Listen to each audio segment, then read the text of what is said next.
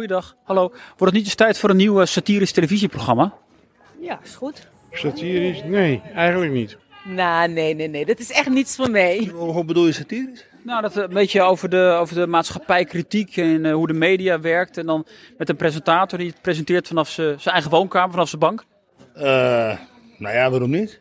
Ja, misschien niet zo eh, ingestudeerd Ja, of geregisseerd. een beetje spontaan, ook met mensen op straat en zo. Ja. Serieus, maar wel om te Ja. lachen. En dan ook met mensen, Nee, met nee, mensen op straat. Niks om te lachen. Gewoon, er zijn veel te veel serieuze problemen. Ja, het moet wel eh, serieus blijven. Wel leuk, maar wel serieus. Ja. En eh, allemaal, allemaal geleuter Ja. voor de televisie. Het is niet om aan te zien. Nee.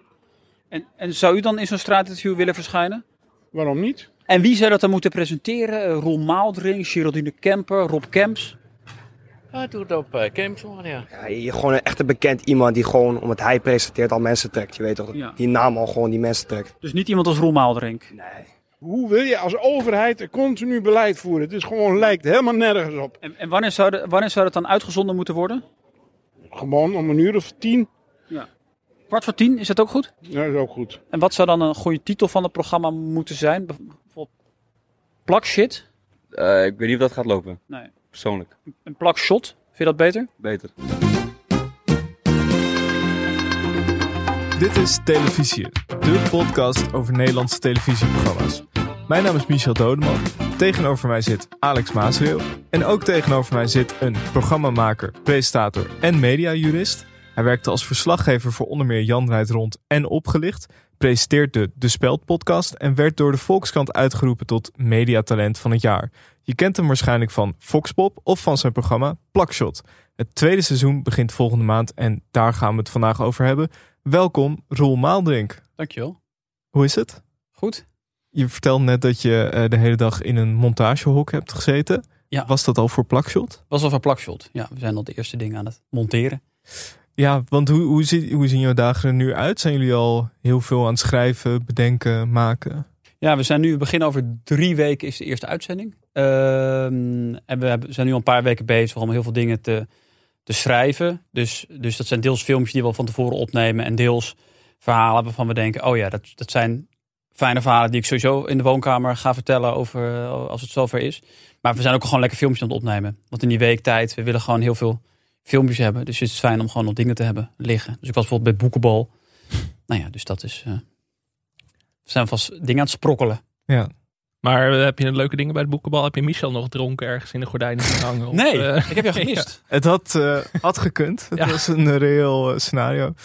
Maar wat leuk. En, en hoe, hoe bepaal je nu dan... Dat lijkt me nu moeilijk, omdat je nu nog niet heel erg op de actualiteit kan zitten. Nee. Maar hoe bepaal je een soort van de balans tussen actualiteit en wat meer tijdlozere liedjes, video's, sketches? Nou, je je wilt natuurlijk liefst zoveel mogelijk actualiteit, maar gewoon in die week heb je niet de tijd om alles te schrijven en, en, en op te nemen en te monteren. En sommige dingen zijn natuurlijk, bijvoorbeeld, we hebben iets over de huizenmarkt gemaakt bijvoorbeeld, dat is, dat is actueel Ja. dan ook. En wat je soms kan doen is dingen actueel aanschrijven. Dus bijvoorbeeld vorig seizoen had ik een item gemaakt bij de Gouden Kalveren. Als, als een soort uh, roddelverslaggever. En ehm hadden we van tevoren daar een voice-over voor gezet van. En dat zonden we pas twee weken later uit. Maar dan hadden we een voice-over ervoor gezet van. eh, het is weer de week, het is weer de tijd van de rode lopers. Het uh, televisiergala, de uitreiking van de Nobelprijs. En natuurlijk de Gouden Kalveren. Waardoor je het opeens weer in die week plaatst. waarin ook de Nobelprijs en de, en de Gouden eh, Kalveren waren. Dus zo kun je dingen soms ook van tevoren opnemen. En dan voelt het opeens weer hey, actueel en urgent natuurlijk. Ja. Het belangrijkste. Ja. We gaan het straks verder hebben over Plakshot. Eerst gaan we het even hebben over de actualiteit. Ehm, Ja, we zijn er anderhalf week natuurlijk niet geweest. Dus we hebben wat opgespaard. Ik bedoel, eh, dus daar moet je ook naar luisteren, Roel. Je hebt lekker een mandarijntje, dus jij kan ook lekker, eh, lekker eten. toekijken. Ja, als jullie ook een partje willen, dan eh, eh, ja, Alex, wat, eh, wat heb je gezien afgelopen anderhalve week? Ik heb weinig programma's, maar een paar agendapuntjes. Ik wil eerst eventjes eh, iemand bestraffend toespreken. Om dat meteen maar eventjes uit de weg te ruimen. Thijs Reumer. Beetje boos. Die zat bij Media Insight en die ging Mhm. toch los over een kindje van ons. Hij, eh, hij noemde de Passion het afvoerputje van de Nederlandse tv. Ja. Ja, dat vind ik toch even, dat moet toch even benadrukt worden dat wij het daar absoluut niet mee eens zijn. Thijs Reumer natuurlijk de ster van Fuck de Liefde, Bella Donnas, Ja ik wil. Ehm, het allerlelijkste wat de Nederlandse tv heeft voortgebracht, zei hij over de Passion. Dat, dat, dat raakte mij zo dat ik toch even vond van, Nu Nou, moeten we het even over ja. hebben. We hebben 87 afleveringen gemaakt. En dan kan je vertellen, er zijn nog veel lelijkere Ja. dingen. Eh, maar ja, nee, ja. Ja, ik vind de Passion Bash vind ik een beetje makkelijk. Ja, dat is wel... De, wat vind jij van de Passion Rule? Ik heb het niet gezien. Oh, Dat wil ik zeggen, ik heb Ja. het nog nooit gezien. nee, dat is misschien Ik ook heb, een ik- veilig ik heb antwoord. al- wel alles omheen gelezen. Ja. En eh, toen dacht ik niet, ik ga het dit jaar wel kijken. Nee, dat is het veiligste antwoord in deze situatie. Want als je nu Dat iets lelijks Kroon. had Dat was gezegd... Kroon, begrijp ik. Ja, Rebelse Jezus. Ja. Wat heb je verder nog voor- meegenomen qua agendapuntjes? Ron Vrees heeft afscheid genomen. Vond ik toch even het benoemen waard. Ehm, natuurlijk heel lang verslaggever geweest bij de NOS. Hij nam best wel eh, vrolijk afscheid. Toen dacht ik van, even, het is altijd leuk om hoe presentatoren afscheid nemen. Dat, dat vestigt uiteindelijk meer een reputatie dan, dan zeg maar, wat ze eigenlijk doen door de loop van de jaren. Dus ik dacht van, waar past Ron nou in de soort van kanon van afscheidnemende presentatoren? Ik heb een kleine top 5 gemaakt. Oké. Even snel er doorheen. Sonja Barend. Die, ke- die wordt toegezongen door Danny de Munk. Die Daar gaat ze voor Sonja Barend zingt. Kunnen we even een heel klein stukje van laten horen. Nu slaat ze de hele vara met verslagenheid.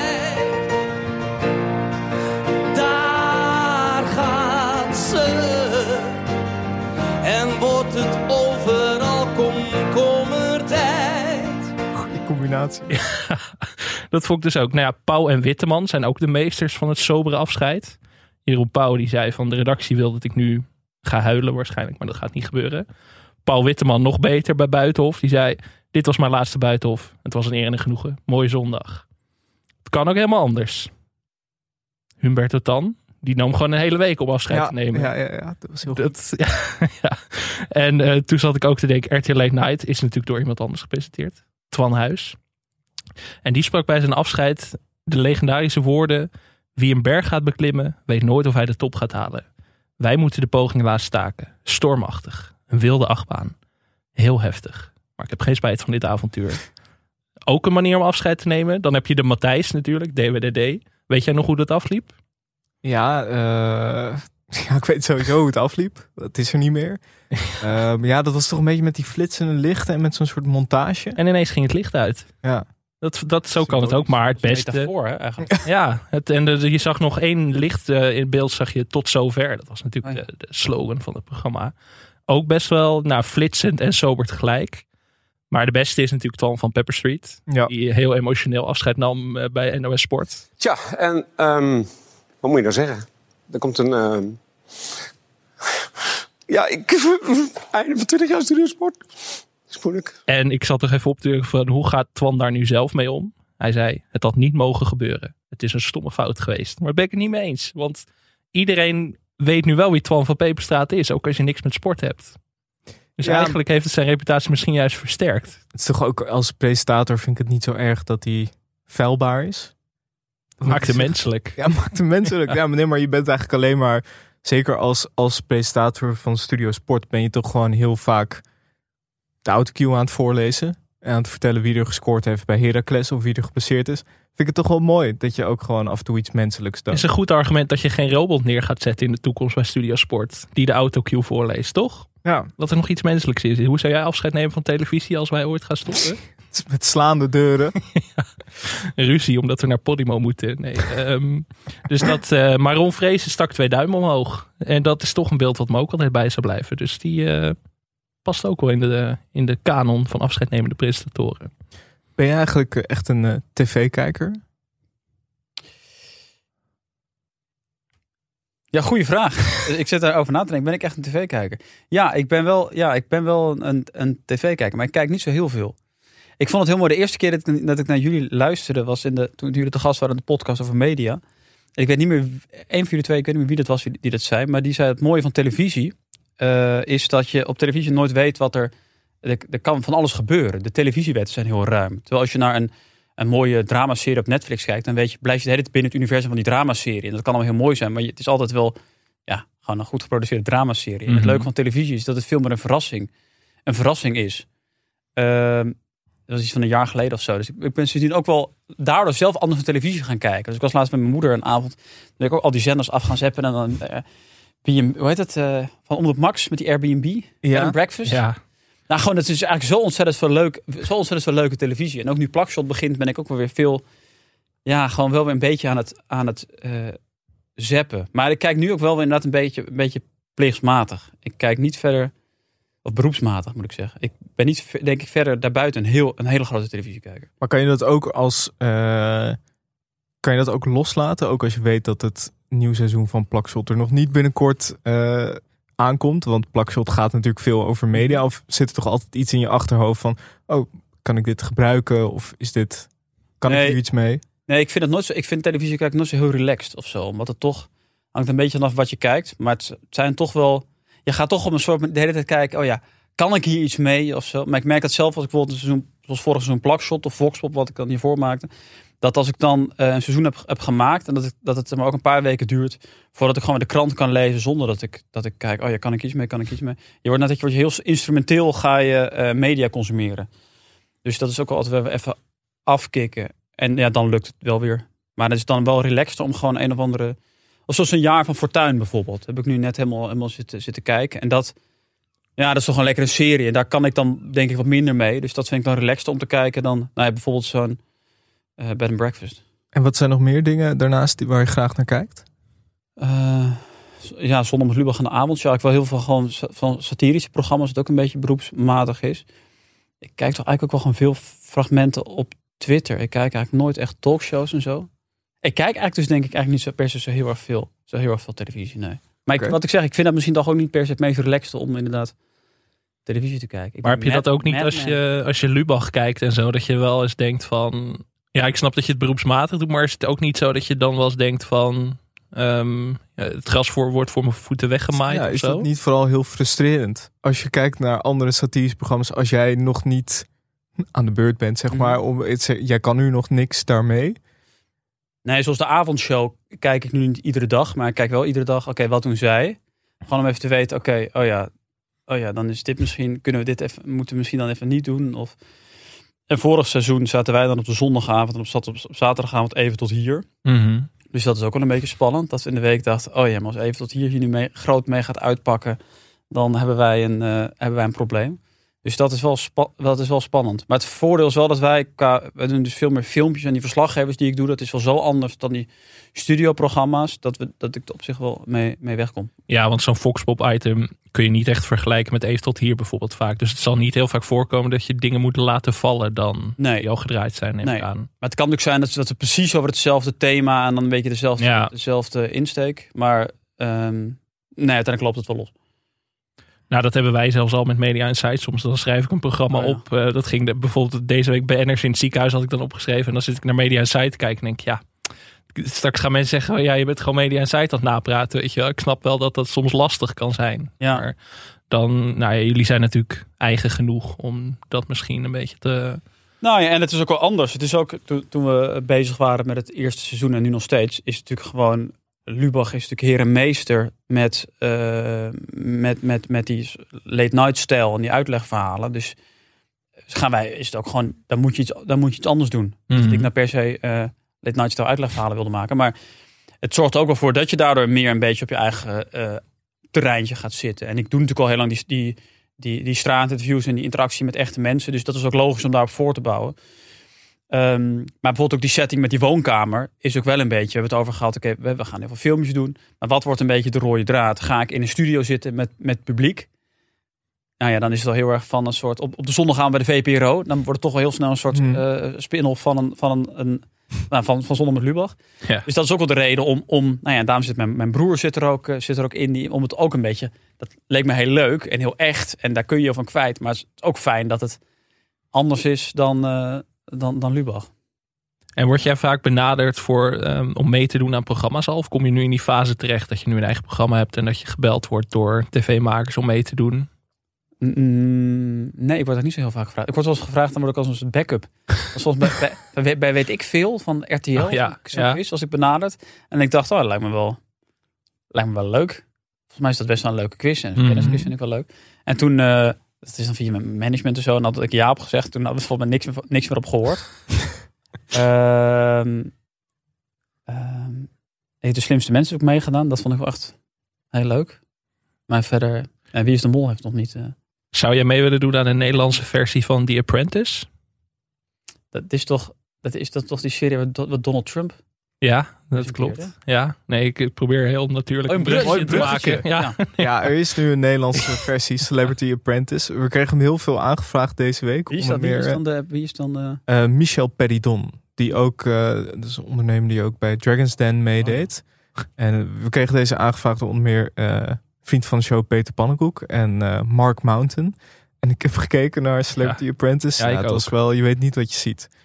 Het is, deelnemersveld is al heel goed. Eh, Henk Krol, Catharine Keil, eh, Maxim Hartman, eh Busy, Rob Geus, Sjaak, nog een paar anderen. Al het geld dat ze verdienen gaat naar het goede doel. En in de eerste aflevering ehm, moeten ze meedoen aan een soort veiling en daar dan drie items maken binnen een dag. En die items verkopen. Er zijn ook, er worden dus twee teams gemaakt. Er zijn ook twee spionnen die zogenaamd meedoen als BN'ers.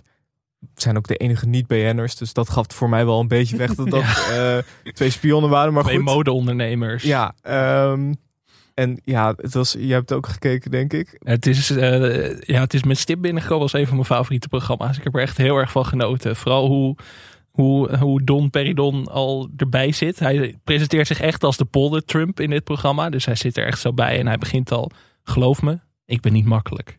En ik ben hier de baas, zegt hij op een gegeven moment al tegen Maxime Hartman. Dus hij zet Ja. meteen lekker de toon.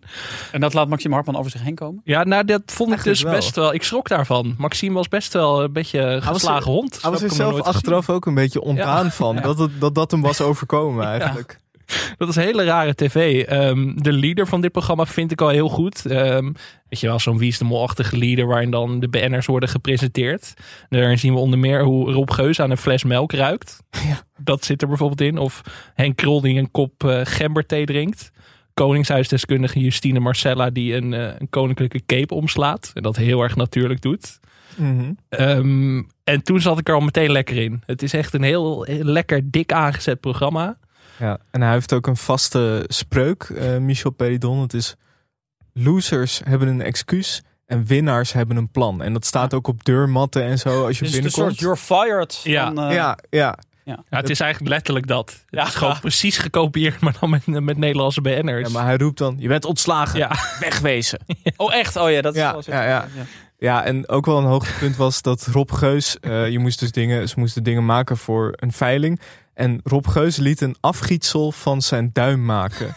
Want hij dacht, wat is nou echt bekend van mij? Mijn duim, Duim. de duim. En die werd uiteindelijk ook voor iets van 2000, 3000 euro verkocht. Als dat gekund had ik meegeboden, denk ik. Ja. Ja, en uiteindelijk werd, eh, dat kunnen we wel vast spoilen, denk ik. Rob werd in de eerste aflevering ontslagen. Oh.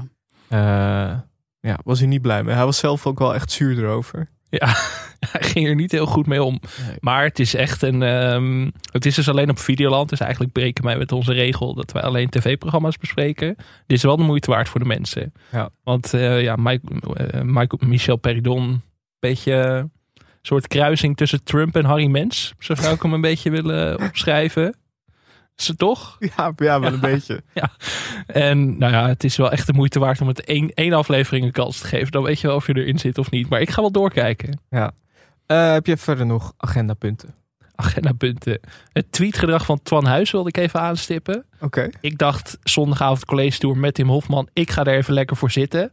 Twan Huis had gewoon alles te spoilen op Twitter. Ja? Negen tweetjes tijdens de college tour.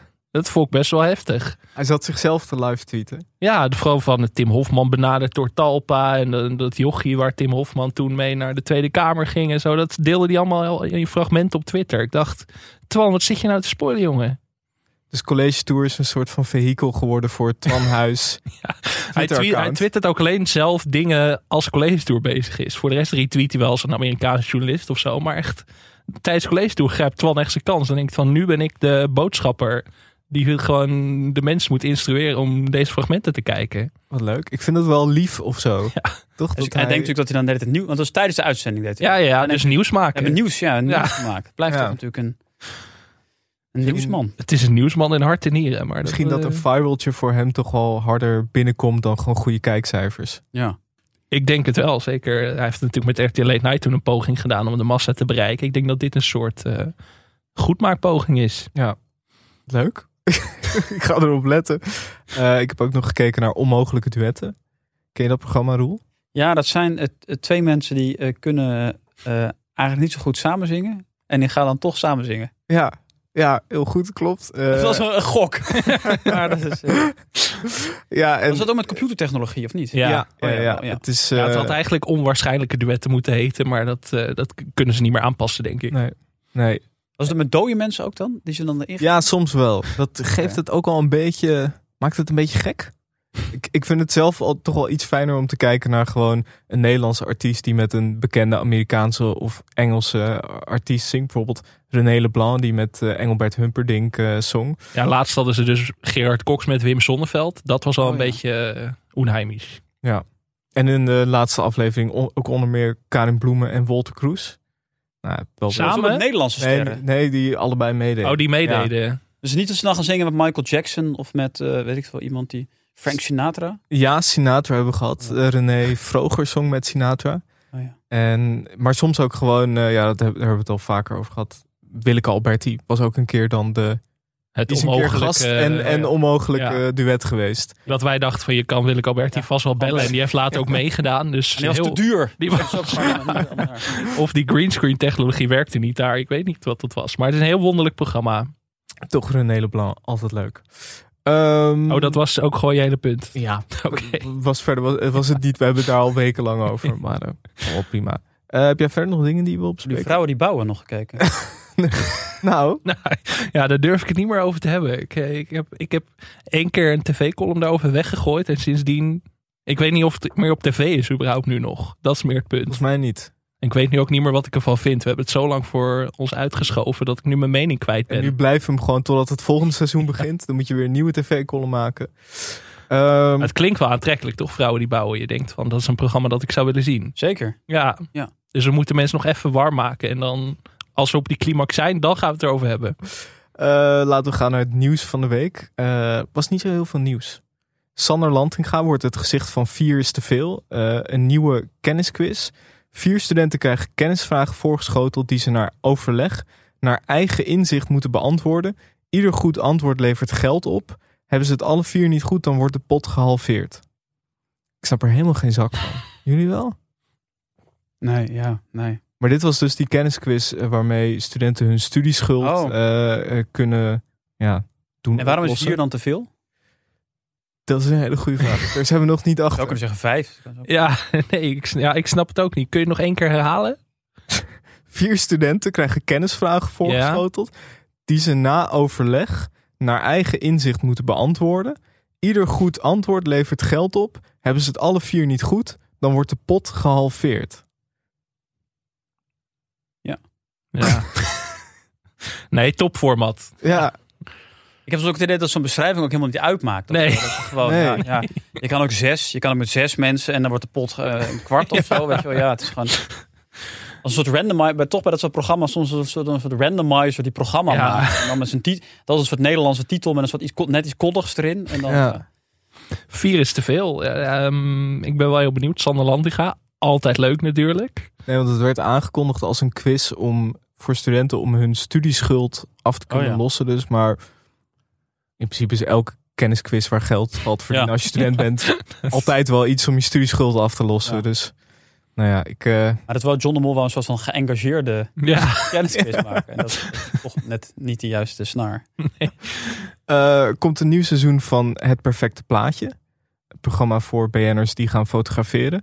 Eh, er wordt een speciale zomerreeks georganiseerd in Argentinië. Eh, met onder meer Babette van Veen, Thomas Bergen, Jochem van Gelder en Daphne Bunskoek. Zo. En Jochem van Gelder doet ook mee aan Beat the Champions Vips. Zo. Dus die, eh, die is bezig met een tv-comeback, eh, denk ik. Is een beetje uit, beetje uit het oog verloren. Ja. Is dat iets waar jij mee zou willen doen? Het perfecte plaatje? Als het in Argentinië is, Ja. denk ik ja. ja. Dan kun je kiezen, doe je het zelf, doe je het niet. En dan denk je, ja, kan ik foto's maken in Argentinië. Samen met Jochem van Gelder en, Ja. en consorten. Dat is toch waar. Dat is droom van kleine jongen. Dat je met Ja. Jochem van Gelder naar Argentinië mag. Was je vroeger een eh, praatjesmakers-kijker? Of was het net een beetje... Nee, ik vond Praatjemakers zelfs wel een legendarische televisie. En dan gevatte kinderen. En dan had je ook dat rubriekje en dan zat iemand zat anders in een kindje en die had dan een, een microfoontje in zijn, oor, in zijn oor. En die ging dan allemaal bij de hand de vragen stellen, ook aan, eh, aan de BN'er. Ja. Ja. Je, iedereen kende ook altijd wel iemand die mee had gedaan aan Praatjesmakers. Vond ik zo grappig aan. In Enkhuis eh ken ik weinig eh, praatjesmakers, deelnemers hoor. Ja, misschien is dat een beetje mijn bubbel. Dat iedereen uit de, uit de omgeving van Amsterdam kwam. Oh, dat was het. Dat was gewoon een soort. eh, net zoals bij kinderen voor kinderen Ja. die uit het gooien kwam. Dat was een beetje. Ja, de- Verder weinig nieuws deze week. Eh, nou, Jeroen van der Boom heeft een nieuwe klus. Nieuw muziekprogramma, nieuwe talentenjacht, de Hollandse nieuwe. Zoektocht naar de nieuwe volkszanger van Nederland. Jury Danny de Munk, René Vroger, Samantha Steenwijk. Gouden trio.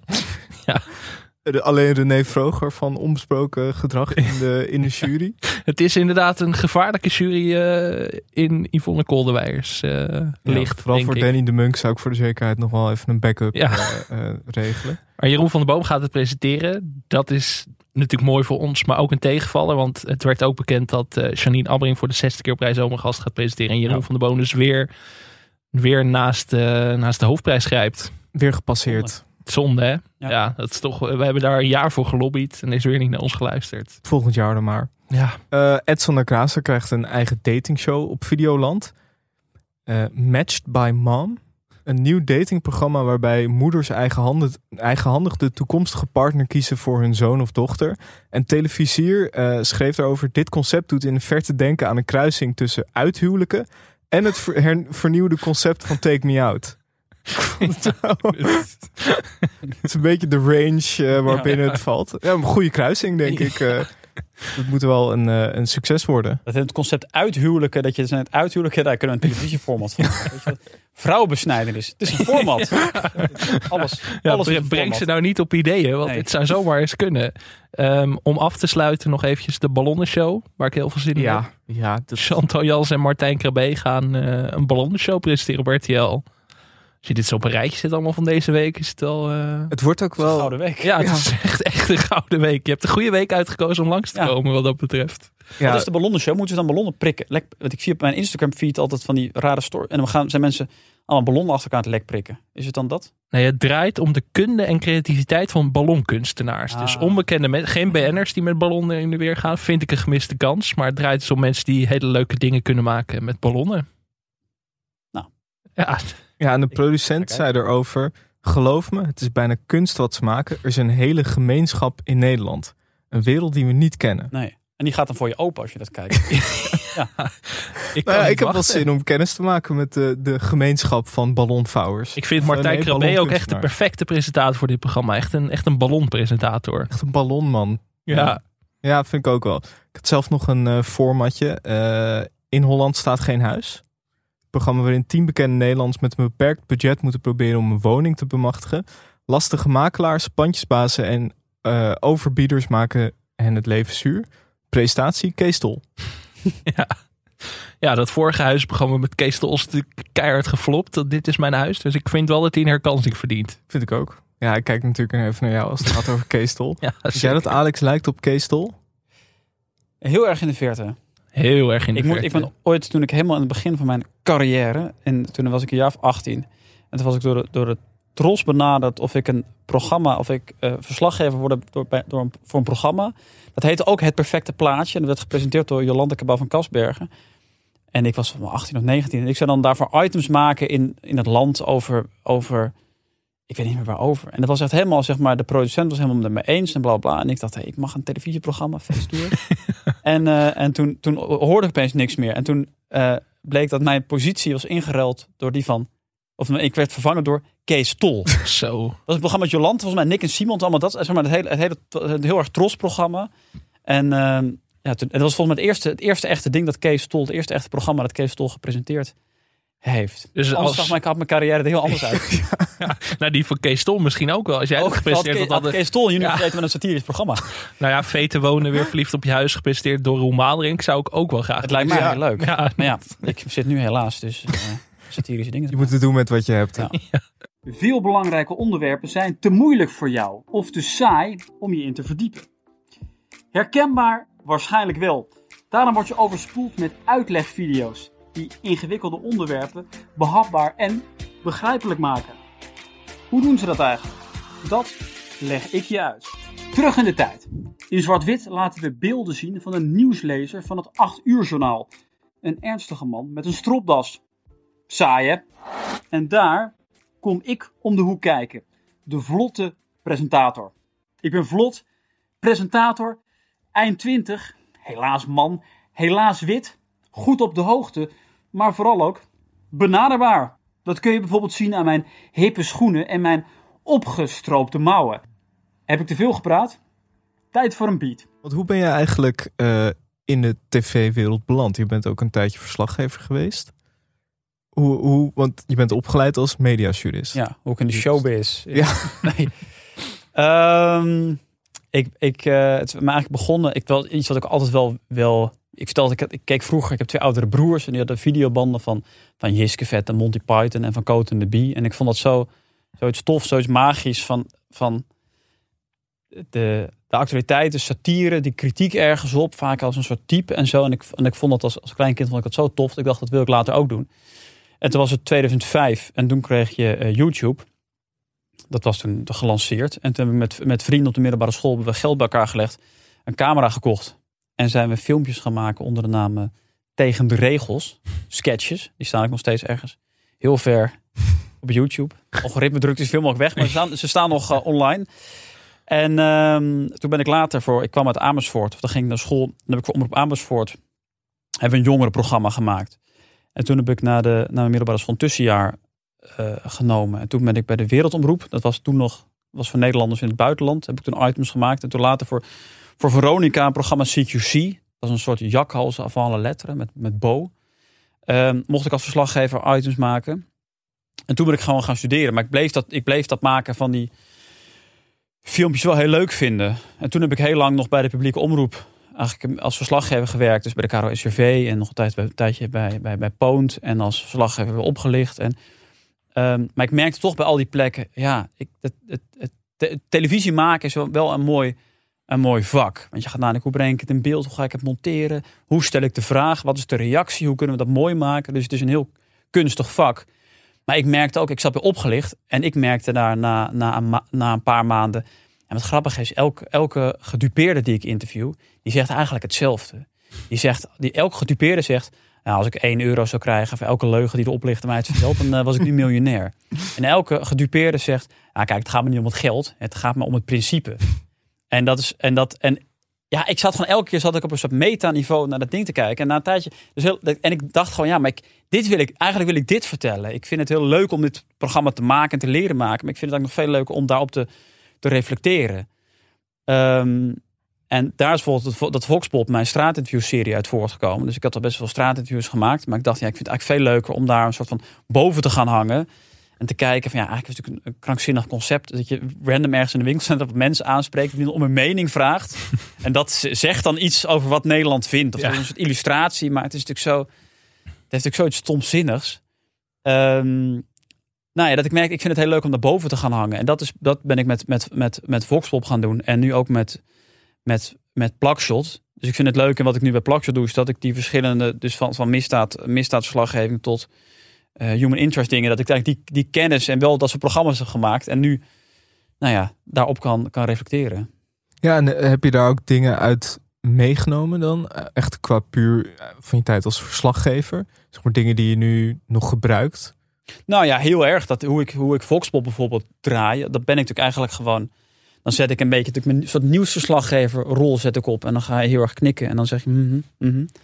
Ehm, of bijvoorbeeld, ik heb met Voxpop ooit een parodie gemaakt.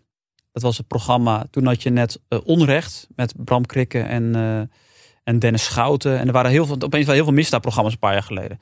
En toen ben ik het, het, en zoals ik ook opgelicht maakte.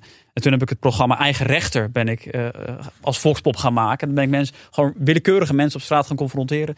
Dag meneer, we hebben honderdduizenden klachten over u ontvangen. Wat heeft u te zeggen? Die mensen die uw leven zuur heeft gemaakt. En eh, mensen gingen daar ook een soort van hun excuses aanbieden. We hebben een programma Eigen Rechter en u weet waarschijnlijk wel wat ik hier kom doen. Eh, blijf van de camera, blijf van de camera. Dus dat was heel erg gewoon zoals, zoals ik ben opgelicht, een confrontatie deed. Alleen dan gewoon bij random, bij random mensen op straat. Ehm, dus dan neem ik wel echt wel die dingen mee. Of bijvoorbeeld, eh, heel concreet, in het afgelopen seizoen zat een soort hadden we een parodie op Man met Hond. Mhm. was het programma Ei legt kip. Ehm, en dan gingen we, en bij Man met Hond gingen ze altijd langs bij, en de opvolger die ik gemaakt heb ook, gingen we s'avonds langs bij mensen op straat aanbellen, wat bent u het eten? En toen was een soort Ei legt kip aflevering en dan gingen we, ging ik thuis lang- langs bij Angela de Jong, zonder te benoemen dat het Angela de Jong was. Wat, bent, wat doet u dan zo op, op zondag? Eh, televisie kijken. Oh, wat gaat u morgen dan doen? Eh, televisie kijken. En van het weekend. Dus dat, is- dat is dan wel, dat vind ik, ja, dan neem ik een beetje die televisiewet en de dingen die ik daar gewoon serieus gedaan heb, ben ik nu aan het, aan het belachelijk aan het maken. Vond Angela het meteen leuk om mee te doen? Het was, ik heb een tijd bij het AD, die hebben een soort eh nieuwsbulletins eh, maken zij. En dit, dat heb ik een tijd gepresenteerd, waar ook Angela regelmatig aanschoof. Dus wij zijn, wij zijn vrienden. Buddies. Wij zijn buddies. Dus Buddies. Ik, had, ik had haar gevraagd. Het was een beetje, ik weet niet of ze het idee leuk vond. Het was ook een beetje een, een gunst naar mij toe. Ik, ik dacht heel even ook dat dit uit een heel ander programma kwam of zo. Dat Dat, ik je het ook, later de- gewoon een soort van jouw eigen vragen erin had gemonteerd of zo. Maar dat, Nee, dat, dat zat er natuurlijk een beetje in. Maar, dat is eigenlijk is dat ook een compliment wel aan Ja. hoe goed het gedaan was. Dat het zeg maar uit zo'n soort eh, bijna uit zo'n soort VT wonen ook achtig programma, weet je, waarbij je binnenkijkt bij iemand ja, of ja, zo, ja. eh, had kunnen komen. Maar dus ook, ook bijvoorbeeld wat, wat altijd zo'n ding was bij, eh, bij, bij Jan Red Rond. Dus je opvolger van Man met Hond die ik deed. Was dan, dan liet je iemand thee zetten. Heeft u thee? Mag ik even, heeft u een kop thee? Wilt u ons thee gaan zetten? Dan gaat iemand thee zetten. En dan ga je intussen met thee zet. Heb je een leuk beeld. Dan is iemand bezig. En dan vraag en eh, eh, u, u woont hier alleen? Ja, ik woon hier alleen. Oh, woont u uw hele leven al alleen? En dan gaat iemand. En dan ontvouwt zich zo dat, dat verhaal. En dan moet je zorgen dat iemand thee zet. Of dat iemand.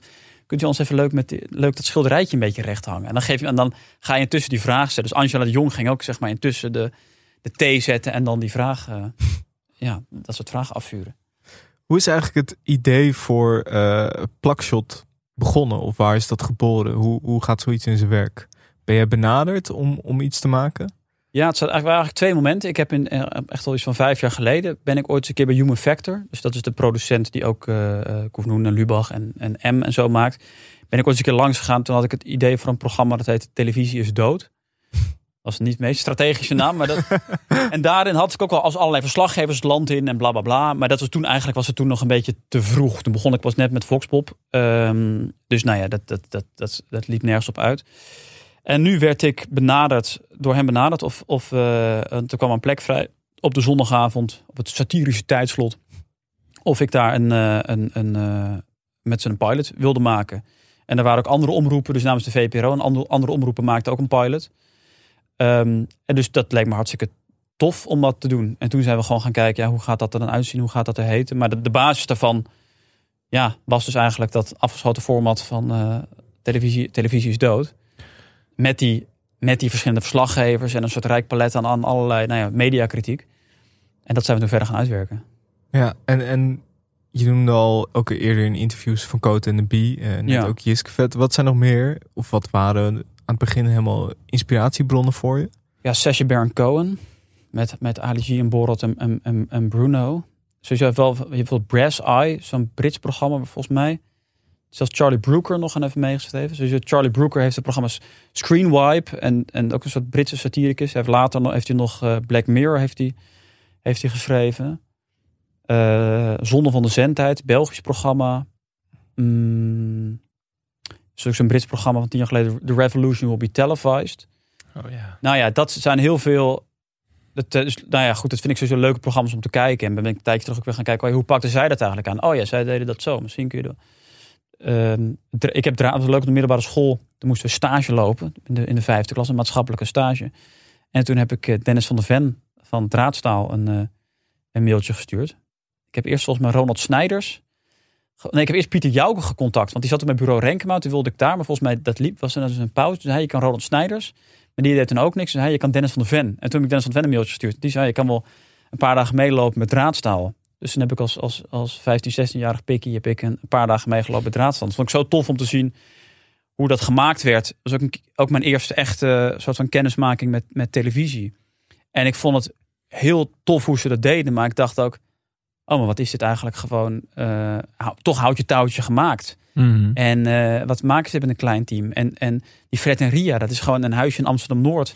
met een vrouw die ze, die ze 150 euro geven of weet ik veel hoeveel. En dan mogen ze even de huiskamer lenen en dan nemen ze dat een paar keer op. En, En ik dacht, oh, dat is eigenlijk helemaal niet zo heel anders. Veel kwalitatief veel beter, maar zo heel anders dan die tegen de regels filmpjes die ik met mijn vrienden eh, maakte in die tijd. Dus dat was wel ook een soort, eh, nou ja, dat is wel ook wel, ook wel tof dat, dat, dat, die, dat Sven Dennis van de Ven mij die kans gaf. Want dat zorgde ook ervoor dat ik dacht, oh ja, maar dit is die jongensdroom. Een draadstaal vond ik ook een ontzettend tof programma. Dat was toen tweede seizoen. Ik dacht, oh, maar dit, dit, dit is helemaal niet zo heel erg ver weg. Dus draadstaal is ook een inspiratiebron. Ja. Ja. Ik heb Ronald Snijders ook een mail gestuurd toen ik op de middelbare school zat. Echt? Ik weet een, eh Wat weet leuk. het ook alweer in de zesde klas heb je zo'n onderzoek dat je moet doen. Zo'n ding, nou ja, daarvoor heb ik hem geïnterviewd. Profielwerkstuk of zo? Profielwerkstuk, ja. Dus blijkbaar was Ronald Snijders onder middelbare scholieren heel is erg eh, Ja. Hoe oud ben jij? Dus ik ben- eh, 26. oh ja, ik ben, een, ik ben eh, nu 31 net. Oh ja, oké. Maar dan Snijder dacht van, ik ga niemand meer aannemen Nee. nu. eh, dat is mooi klaar. Dat is toch grappig. Maar wat leuk. En Maar dat is wel fijn. Dat is, ik vind dat is ook wel heel fijn dat er mensen zijn die dat, eh, die dat doen. Want dat hoeft natuurlijk, dat hoeft natuurlijk helemaal niet. Zo'n mensen van een Frans Snijders had ook kunnen zeggen: ja, oké, pikkie, eh, boeien. Maar Ja. het is wel, nou ja. en, en ook je... Oh, sorry. Nee, ik vroeg me af hoe dat nu dan is. Heb je nu dan, bij het maken van een tv-programma, komen natuurlijk hele andere dingen kijken dan bij een Foxpop bijvoorbeeld. Heb je Ja. dan iemand waar je aan kan optrekken of iemand die je daarin begeleidt? Of zo is het heel erg zelf een beetje uitvinden hoe en wat? Nou, het is een, wel, het is een ontzettend fijne producent waarmee ik werk. Dus, dus de, de, de, de productiemensen, de eindredacteur en zo, dat is wel echt een heel fijn team. Eh, bijvoorbeeld bij die, bij die straatinterview dingen, wat een soort groot deel wat ik doe, is natuurlijk straatinterview. Ik ga de straat op als een, als een soort Duitse verslaggever. Dan speel ik een soort Duits, die heel slecht Duits praat, maar die alles in Nederland fantastisch vindt. Die eigenlijk niet helemaal goed snapt hoe de Nederlandse cultuur werkt, maar wel alles tof vindt. En we hebben dus die roddelverslaggever. Dus daarvan merk ik wel dat ik daar zelf inmiddels wel vrij goed... Bij Voxpop heb ik al 150 afleveringen gemaakt. Was ik mijn eigen eindredacteur. Dus dat voel ik wel goed. Maar bij bijvoorbeeld Human Facts snapten we heel goed... hoe gooi je dat, hoe gooi je dat in, een, in een programma. En ik heb van tevoren wel bijvoorbeeld met, met Owen Schumacher ook... eh, toen het eerste seizoen Plakshot met hem eh, gezeten... En dingen, ge- en dingen gekeken en overlegd... Nou, hoe deed hij dat, dat bij Koefnoen? Mhm. Dus daar zijn wel mensen geweest die me, daar, die me daar geholpen hebben. En sowieso gewoon wel met heel veel mensen het over praten, dingen laten zien. Om een soort beeld te krijgen van, oh ja, hoe kijken andere mensen er tegenaan? Wat is belangrijk om rekening mee te houden? Maar ik merkte na een tijdje ook, in het eerste seizoen, maar nu ook, dat je, dat je na een tijdje juist dat die meningen even wil laten zitten. En eigenlijk gewoon met het team waar we nu zijn en daarop, en daarop vertrouwen en met elkaar aan de slag, aan de slag gaan. Want je kan na een tijdje, moet je ook, ja, mensen vinden waarschijnlijk allemaal, allemaal dingen. Dat je meer dit of minder dat. Of, en dat, ja, daar moet je na een tijdje ook een beetje aan afsluiten. Maar ik heb niet heel erg een soort, ik heb niet heel erg een soort mentor of zo. En dan is het dan ook nog zo dat er vanuit de omroep heel veel dingen komen van, oh, je, kun je dit niet beter doen of kun je dat niet beter Nee, doen? heel Dan is weinig. oh, dat Nee, dus wel die kijken lekker. wel over de schouder mee en die zeggen soms wel... Oh ja, moet je niet, eh, is het niet lekker om, om eh, zo, zo te beginnen? Of een beetje hoe we het bijvoorbeeld in de, in, in de markt zetten of zo. Maar we doen eigenlijk wel heel veel zelf. Wat wel, wat wel fijn is. Met, met hoeveel mensen werken jullie eigenlijk aan? We zijn dit seizoen, denk ik, met, met zes schrijvers. En dat zijn niet zes mensen die elke dag daar, daar zitten. Maar bijvoorbeeld op dinsdag. Dus we zijn nu een paar weken van tevoren zijn we aan het begin. En als de actuele weken beginnen, als de eerste uitzending is, beginnen we op dinsdag volgens mij met z'n- met z'n zessen. Dinsdag en woensdag schrijven we dan met, met, met zes mensen. Op donderdag ga ik dan vaak eh, draaien. Dus dan zijn we de actuele filmpjes aan het opnemen. Op vrijdag, donderdagavond monteer ik, maak ik vaak thuis al een soort voormontage. En op vrijdag zit ik en bij die montage van die dingen. En eh, zitten we met een kleine groepje schrijvers. Zijn we, dus donderdag zijn die schrijvers ook nog bezig. En vrijdag zitten we met een kleinere groep schrijvers. Zijn we dat al een beetje aan het, aan het afschrijven. En het is wel dat- fijn om zoveel mensen te hebben. Omdat zeker gewoon als in die, in die, in die actuele weken. Maar nu ook al. Je hebt eigenlijk gewoon helemaal geen tijd om al die programma's in de gaten te houden. Dus het is ook gewoon fijn om te vertellen. Jij kijkt Nieuwsuur, jij kijkt dit.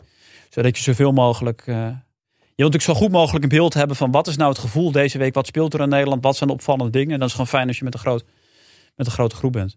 En heb je dat team zelf dan bij elkaar gezocht? Of wordt dat door de producent gedaan? Hoe gaat Nee, dat in zijn Er werk? zijn wel veel mensen, bijvoorbeeld iemand als, als, als Peter Buurman.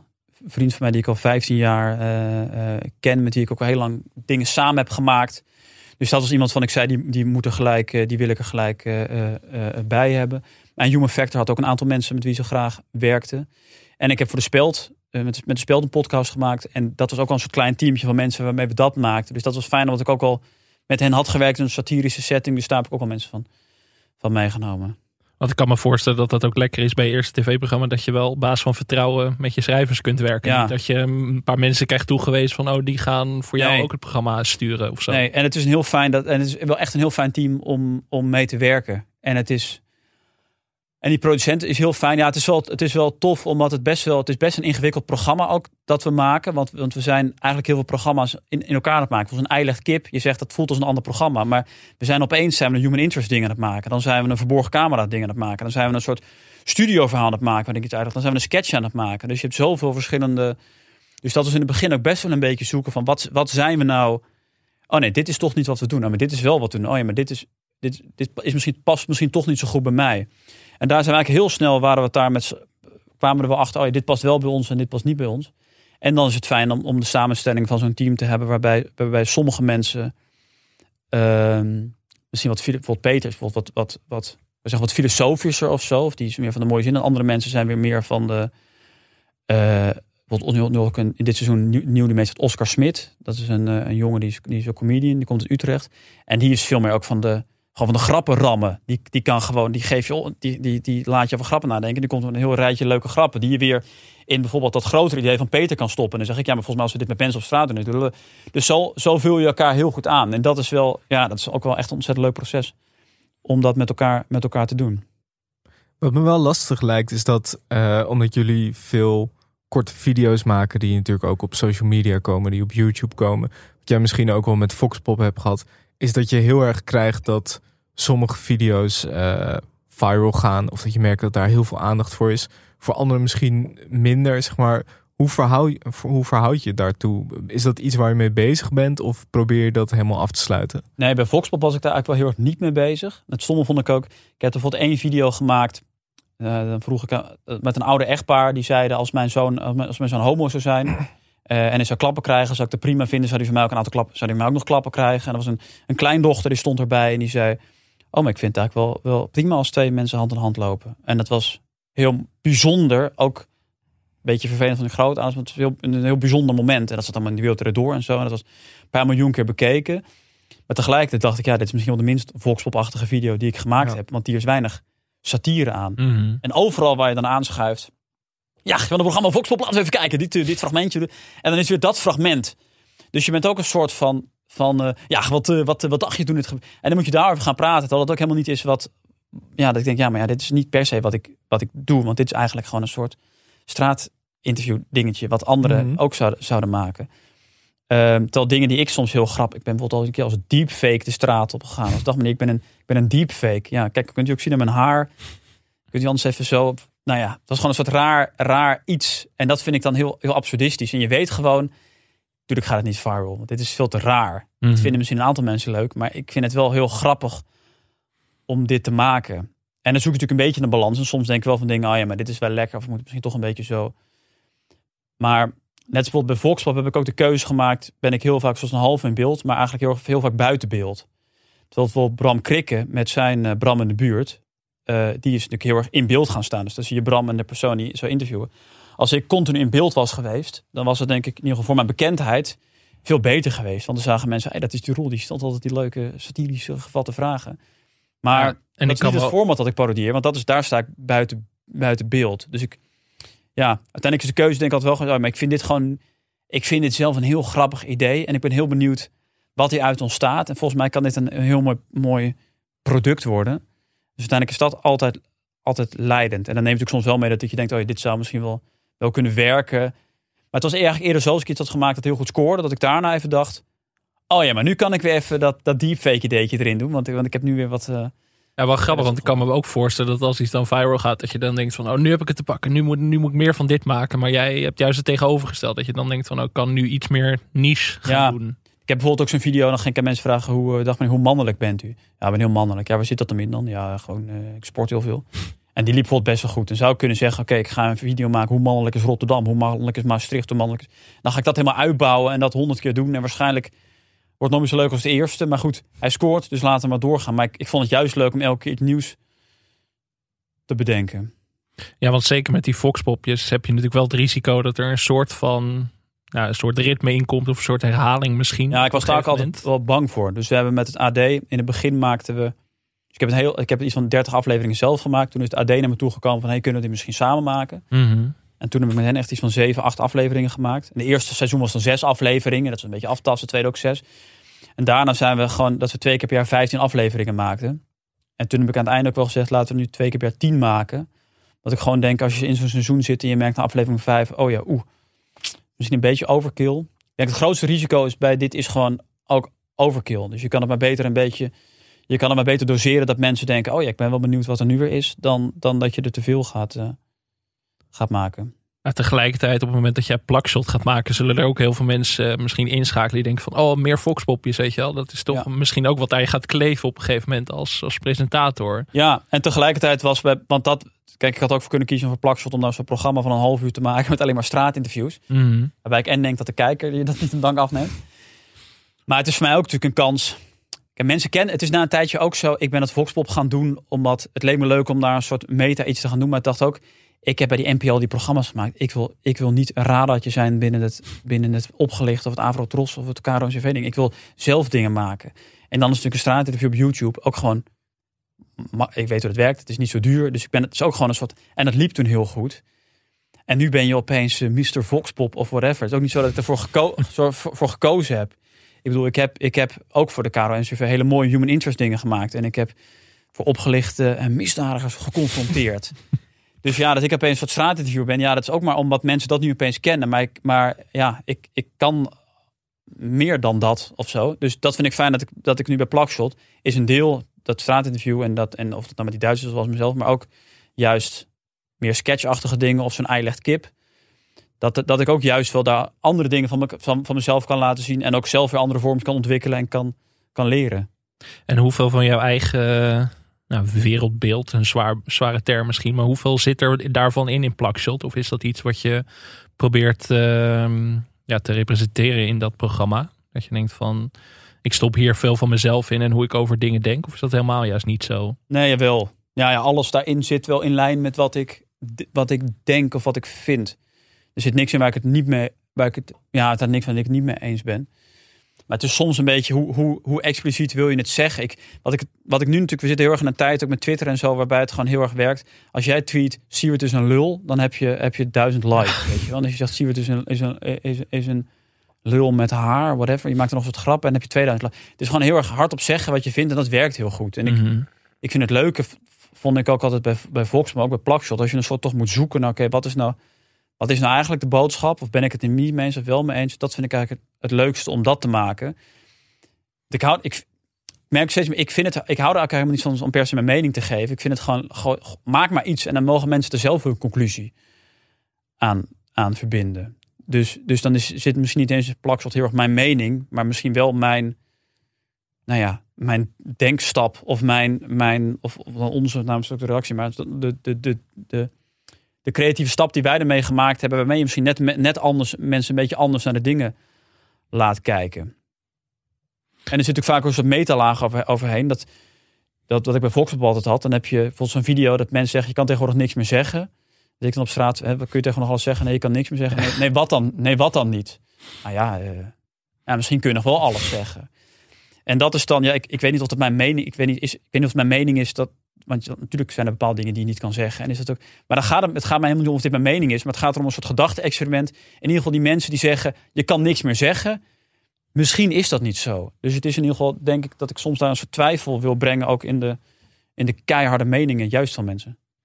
Ik vind het eh, leuk. Ik heb dit weekend heb ik het hele eerste seizoen nog een keer teruggekeken. Heel veel eh roel heb ik gezien achter elkaar. Maar wat Ja, wel leuk is. veel? Nee, nee, dat niet. Eh, Het was precies goed. Ja. Maar wat ik wel leuk vind is wat jij zei net ook van het zijn eigenlijk allemaal verschillende programmaatjes in één. En dat vond ik ook heel leuk als je alles achter elkaar kijkt. Dat je merkt wat een eh, range het eigenlijk is. Dat je soms een beetje van Coat en de Bie-achtig, soms wat meer Ja. Jiskvet, soms echt Foxpop, soms een beetje meer Lubach-achtig. En ook wel gewoon dingen waarvan je denkt, oh ja, dit past helemaal niet per se in iets wat ik al ken. Maar was dat van tevoren ook echt de bedoeling van, oké, het moeten allemaal verschillende dingen worden en het moet tegelijkertijd eigen blijven? Of was het ook, ja, overkomt je dat? Is dat Nee, dat was wel een keuze. Want ik wilde heel graag een, heel, een, een, een programma maken met een heel breed scala aan dingen. En ik wilde soms dingen uitleggen, dat doe ik in die woonkamer. Maar ik wilde ook vooral toch heel veel de omkering laten zien. Of in de huid kruipen en dan de reactie vanuit de mensen laten komen. Ehm, en dan ook bijvoorbeeld met dingen met sketches, met liedjes. Dat allemaal dingen die me heel leuk leken om te doen. En ik dacht, ja, kun je dat samen, kun je dat allemaal samen in een programma gooien? En dat is denk ik redelijk gelukt. Maar het nadeel is denk ik ook, het is, het is denk ik ook wel best wel een beetje, een, misschien dat soms een beetje een moeilijk programma. Omdat je ook niet altijd snapt waar je naar kijkt. En waar we bijvoorbeeld het eerste seizoen soms ook ons misschien ook een beetje in verteeld hebben. Wel bijvoorbeeld in de, in de tweede aflevering zat eh, het binnenhof van Clown Jari. Eh, waarin ik als een soort clown naar de Tweede Kamer. Nou, niet als een soort clown, als clown. Met een groene, met een groene pruik en een rode neus. En uh, shopper de pop, uh, trekken ze aan mijn vinger. En nou, ja, gewoon, gewoon moppen. Hoe noem je een, hoe noem je een SP'er die in de dolfijn... Hoe noem je een SP'er die in de zee zwemt? Lilian Dolfijnissen. En dan met een... Met zo'n... En dat vond ik, was eigenlijk een van de, vond ik echt een van, de, een van de tofste dingen die ik gemaakt heb. En vervolgens, dan zei ik elke keer, ja sorry, ik vind het ook niet, ik vind het ook niet leuk. Maar de redactie heeft dit bedacht. Ja, maar je moet even kijken naar het ISO-rapport. Want wat daarin staat... Dus het idee was een soort hele geëngageerde verslaggever... die eigenlijk heel erg wil hebben over ongelijkheid en, en, en allemaal dat soort thema's. Maar die moet van de redactie, moet hij een soort, letterlijk een soort clown zijn daar op dat binnenhof. En die clown heet dan clown Jari. Wat misschien een verwijzing zou kunnen zijn naar een andere journalist die daar zit. Ja, maar Alleen, daar moeten mensen even over nadenken. Dus nou ja, misschien... ik, ik, merkte dat dus, dat het item, ik vond het, ja, ik, wat ik dus heel, sommige dingen vond ik minder goed, maar dit was iets wat ik gewoon, vond ik, vond ik, was ik blij mee, maar hoe, hoe die uitvoering was. En ik merkte, mensen, mensen vonden dat helemaal niet leuk. En mensen zeiden, ja, maar het is toch heel stom, want je gaat stomme moppen vertellen, die moppen zijn dan helemaal niet leuk. En ik kwam erachter, oh, mensen hebben helemaal niet door dat dit een parodie is op, op Jair omdat we het helemaal niet inleiden. Het was gewoon, je kijkt gewoon naar de studio opeens, was het een bumpertje, clown Jari. En ik zat daar met een, met een, met een, met een rode neus. Ehm, en dat gaan we nu denk ik ook wel anders doen. Ik denk, oh ja, ik, we hebben soms misschien de kijker te weinig bij de hand genomen. En we moeten misschien dan hadden we toch van tevoren ergens al iets over Jair in die uitzending moeten zeggen. Zodat je de kijker al een beetje primed van, oh ja, zometeen. Want als jij vijf minuten naar een clown kijkt op het binnen en je denkt, waarom staat Roel met een clownsneus en waarom blamt hij de redactie voor allemaal dingen. Dan is het natuurlijk heel, is het natuurlijk heel kut. Ja, het zou kunnen zijn dat mensen het wel snapten en dat is nog kut vonden. Maar ik, ik had gewoon vrienden die zeiden, ja, ik snapte het niet. Wat, wat was dat voor iets raars? Ik zei, ja, maar dat was, was, was, was Jair, was een parodie. Maar het is wel een lastig spanningsveld, toch? Want je wil aan de ene kant vertrouwen op de intelligentie van je kijker. Maar aan de andere kant, als ze het niet snappen, dan, ja, dan wordt het ook niks, pijnlijk. nee. niks uit. Want het is natuurlijk het leukste. Maar het lastige, het, ja. Maar je wil ook wel hebben, ja, dus het is natuurlijk het is moeilijker dat je wil mensen ja, je wil niet voor uitleggen, want het is ook leuk om mensen zich een beetje slim te laten voelen. Een beetje, hey, hey ik snap dit. Weet je, hij, hij doet, hij doet Jair en heeft het ja. omgedraaid. Hij heet Jari, dus Jair. En dat is ook een soort clown. Maar ja, je wil, dus niet iedereen hoeft het, snappen. dus niet iedereen hoeft het snappen. Maar dit was bijvoorbeeld iets waarbij ik denk, oh, met te weinig, dit snapte, dit snapte te weinig mensen. En je had het ook natuurlijk, als je van tevoren al bijvoorbeeld ergens eerder in je uitzending iets van Jair had laten zien, dan hadden die mensen ook al die ja. link kunnen leggen. Je, je hoeft niet van alles te zeggen ik ga nu als clown verkleed als clown naar de tweede. Want dan snappen mensen wel wat je doet. Maar dan denken mensen, ja. ja het is ook een beetje wat promenade natuurlijk voor ons heel erg leuk maakte. Maar voor heel veel mensen ook. Die zeiden van, ik snap dit gewoon echt niet. Ik weet niet, ik ben niet in crowd genoeg misschien om dit leuk te vinden of zo. Maar die hebben echt gezegd van, we gaan dat ook niet misschien ja, super, duidelijk. Super stoer. Ja, ja maar dan heb je wel het risico dat je altijd rond uh, 200.000 kijkers dat, blijft Dat is toch ook gewoon natuurlijk. wel vet. Soms denk ik ook van, is dat iets van deze tijd of zo? Want bij Jiske Vet, als je nu zeg maar... Natuurlijk, iedereen kent uh, debiteuren, createuren en de lullo's. Maar als je soms echt die hele seizoenen kijkt... zit er gewoon heel vaak iets tussen waar je gewoon geen reet van snapt. Ja. En maar dat was toen, ja... Ik heb het idee dat dat vroeger wel meer oké was of zo. Dat mensen ook gewoon dachten, ja, het zal wel de volgende zou ik wel weer wel snappen. Of Ja. zo. Dat er nu misschien soms ook wel. Ik, weet, ik denk dat het niet eens vanuit de makers komt, maar dat sommige kijkers het idee hebben dat ze alles meteen helemaal door moeten hebben. Terwijl, ja, boeien. Ik denk, dat dat wel moeilijk, ik denk dat dat wel moeilijker is. Dingen gaan natuurlijk ook veel sneller. Bij Jiske Vet waren natuurlijk, duurde soms denk ik ook wel heel erg lang. Ja. Ik bedoel, ik ben een groot, groot fan van Jiske Vet. Maar ik denk als je dat nu zou maken, dat dat toch wel minder goed werkt. Omdat het gewoon traag is. Mm. Maar goed, dat betekent niet dat je daar een soort snellere versie van zou, van zou kunnen maken. Maar het is denk ik wel een moeilijkere... Ja, het is ook denk ik wat dat betreft een moeilijkere tijd om dingen, om dingen te maken. En misschien verwachten we ook dat dingen meer... Wat ik net zeg op Twitter, moet alles heel... Je moet letterlijk zeggen, zie je het is een lul. Want als je het een beetje eh, vaag zegt, dan interpreteren mensen het weer verkeerd. En dan eh, ben je weer fout. Ja. Dus het is ook... Nou ja, dat, daar moet je ergens dan tussen, tussen, tussen balanceren. Was je in die zin verrast dat je een tweede seizoen kreeg? Of zag je dat wel eh, aankomen? Dat werd best wel snel. Eigenlijk tijdens het eerste seizoen al. Ja, redelijk aan het einde van, dat. redelijk aan het einde van het eerste seizoen. Ehm, was ik er verbaasd over? Nou ja, dat weet ik niet. Ik hoop, ik hoop het natuurlijk. heel- Kijk, het is natuurlijk heel lastig als je een je bent natuurlijk gewoon met een heel veel programma's zijn natuurlijk zo überhaupt heel veel televisieprogramma's zijn ook aangekochte formats of quizjes of zo met, bekend, met bekende Nederlanders. Dit is natuurlijk, eh, ik ben niet echt bekend.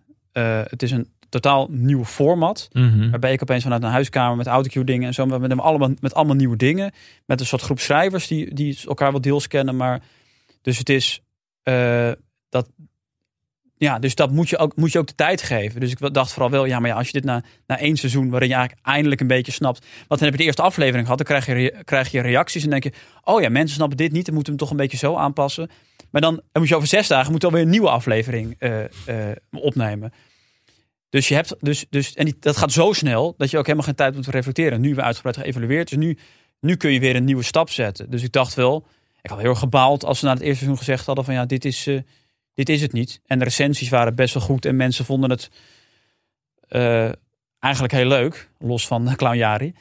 Ehm, Dus ik, ik, ik had het vooral wel heel erg gebaald. En ik denk ook wel dat je gewoon, of nou ik het programma maak of wie dan ook, volgens mij moet je dat soort dingen gewoon de kans Ja, dat, dat ook, is ook het ruimte meer. geven. Dat is meer waarom ik het vroeg. Omdat dit soort programma's er zijn ook misschien net mensen die denken van... oh, het scoort niet of het wordt niet helemaal opgepikt zoals we zouden willen. Van we cancelen het gewoon of zo. Dat is wel gebruikelijker misschien geworden dan in de tijd van een Jiskevet of zo. Waar ze misschien iets meer tijd kregen om aan te klooien dan nu. Ja. Dus dat hoop, dat hoop ik ook dat dat, eh, dat, dat eh, zo blijft. Ook voor mij, maar ook überhaupt natuurlijk voor alle, voor alle makers. Dat er gewoon ruimte blijft om. Ja, er is natuurlijk toch wel weinig. Er gaan natuurlijk op televisie heel weinig dingen, dingen mis. Ja, dan gaat chocolade gaat mis, weet je wel. Maar dat is een programma wat natuurlijk niet gemaakt is om mis te gaan. Daar wordt natuurlijk eigenlijk weinig, toch niet zo heel veel geëxperimenteerd op televisie. Er worden toch wel heel veel verze- verzekerheidjes en, en weer met dezelfde mensen en weer met, de, en weer met een vlotte presentator, weet je wel. Dus Een type Kees. ja. Nou goed, dat is, ook, dat is ook. Er zijn natuurlijk verschillende hokjes in televisie. En ik mag dan, wij mogen dan gelukkig een beetje het experimentele ding invullen. Dus ik, ik vind het fijn dat we daar ook die ruimte krijgen om daar een beetje mee te experimenteren. Maar er zou voor mij nog wel meer experimentele televisie eh, mogen. Zijn er, wat wil je zeggen? Nou, het is meer dat, je, dat, je, dat die gevoeligheid, en zeker ja, Twitter is dan geen goede graadmeter, net zoals voor alles in het leven. Maar je zag het ook aan dat, aan dat Safe Space bijvoorbeeld, ook zo'n VPRO-satirisch programma, wat al Ja. helemaal door de mangel is gehaald. Ook natuurlijk door, door de achtergrond van de makers. Dat speelde bij heel veel Ja. eh, reacties ook mee. Maar je ziet dat dat gewoon bijna ook, dat de recensies zijn na één aflevering er en die zijn negatief en van oké, dit gaat niet meer werken of zo. Dat is Ja. dan een soort consensus meteen. En dan had jij dan misschien wel dat het de positieve consensus was, maar er is heel weinig ruimte om van die mening af te wijken vaak. En dat maakt het wel lastig om satire te maken in deze tijd Ja. misschien. Ja, zeker. Ja, nou ja, dit is natuurlijk altijd überhaupt natuurlijk dat je, dat je programma's op basis van de eerste aflevering dat gaat recenseren, is natuurlijk altijd een beetje lastig. Want dat is, ja, wat, ja, wat zegt dat nou? Mhm. Maar je moet denk ik inderdaad dingen de, de tijd gunnen. Anders dan, ja, ik bedoel, als je, als je in dat Jiskevet, als je daarna, als, als de, de huidige NPO-top, nou, waarschijnlijk de eerste seizoen Jiskevet had gekeken, hadden ze ook gezegd. Of waarschijnlijk dat format hadden ze gekeken. Wie zijn die drie, eh, wie zijn die drie mannen? Ken ik niet. Kan daar niet, eh weet ik van een bekende Nederlander van toen, eh, Rutger Hauer. Kan Rutger Hauer dit niet eh, doen? En hetzelfde, ja, voor al die programma's. En, en ik bedoel, de eerste aflevering van de Wereld Door schijnt ook, maar, schijnt ook zeer matig te zijn het eerste seizoen. En, en ja, er waren ook wel recensies die gingen dit dan, die zeiden dan, die gingen dan plakshot, over dus best wel een goede recensie, maar die zeiden dan, van, ja, we moeten dat nog niet. Kijk, het is ook oneerlijk om dit programma te vergelijken met eh, zondag, met- te vergelijken met zondag met Lubach, maar we gaan het toch doen. En dan heb je het vergelijking dat ik denk, ja, maar ja, je, je, je gaat aflevering 1 van een programma vergelijken met een aflevering 100 130. Ja, dat is, is natuurlijk, slaat natuurlijk nergens op. En je krijgt dan ook hele gekke dingen. Ik kwam ook iets tegen toen ik aan het lezen was over plakshot met iemand schreef, ja, het decor is te rommelig. Ja, maar iemand anders, maar iemand anders zegt, weer, zegt weer, ja, dat, dat, dat dat in een huiskamer is, dat is zo goed, dat is toch zo goed gevonden. En dan zegt de een, ja, die broer Jos, dat is toch leidt heel erg af. En die ander zegt, oh, die broer Jos voelt zoveel toe. En dan zegt iemand, ja, het, zijn wel, die, het leukste is wel die filmpjes. Die filmpjes die zijn zo leuk en afwisselend. Dus iemand zegt, ja, het zijn wel heel veel filmpjes, moeten meer eh, uitleg. Dus het is ook een soort van, ja, je gaat, en dat zeg ik net ook met, in het begin is het fijn om met heel veel mensen te praten en heel veel meningen en dat allemaal, en daar naar te luisteren en dat, en dat mee te nemen. En uiteindelijk is het ook wel gewoon, net als doelgroep dingen, weet je. Het is fijn dat we het eigenlijk nooit over hebben. Ja, wie is de doelgroep? Is dit wel, ik denk, ja, uiteindelijk ben je, ben je je eigen doelgroep. En dat geloof ik ook, er moet volgens mij meer televisie gemaakt worden door mensen die zeggen, dit lijkt mij het allervetste programma om te maken. Dit wil ik al mijn hele leven. Ik heb geen idee of mensen, of mensen het tof vinden. Maar ik vind dit het allervetste programma. En als ik dit vind, zijn er waarschijnlijk genoeg mensen die dit ook vinden. Terwijl nu is het natuurlijk heel vaak zo. een of andere producent heeft een programma aangekocht eh, uit het buitenland. Die zet daar een, presentator op die denkt, moet ik dit presenteren? Ja, je staat onder contract. Ja, moet het? Nou goed, dan ga ik presenteren. Goed, geef mij die teksten maar, dan ga ik dat lekker vlot in elkaar. Ja, en, dan krijg, en, en dat kan ook wel werken. Maar het leukste is natuurlijk om mensen gepassioneerd een programma te zien maken.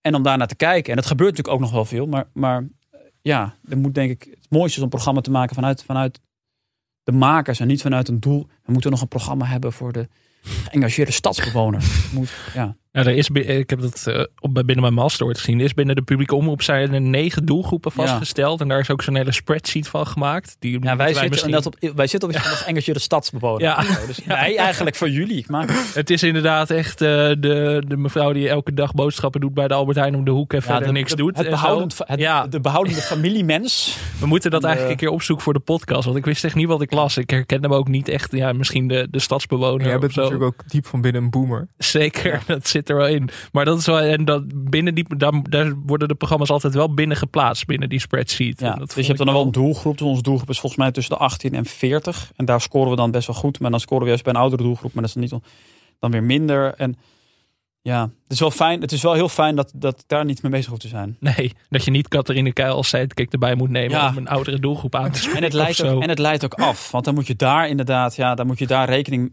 Ja, ja geen idee. Moet ik dan. Moet ik dan of dat je opeens denkt, oh ja, maar we moeten hele jonge mensen aanspreken. Dat ik opeens moet ik opeens dan TikTok-achtige dingen gaan doen. En ik bedoel, ik heb TikTok en ik zit erop dat ik plaats wel eens dingen op. Maar ik zit wel op TikTok als 30 of inmiddels 31-jarige. Dat is anders dan.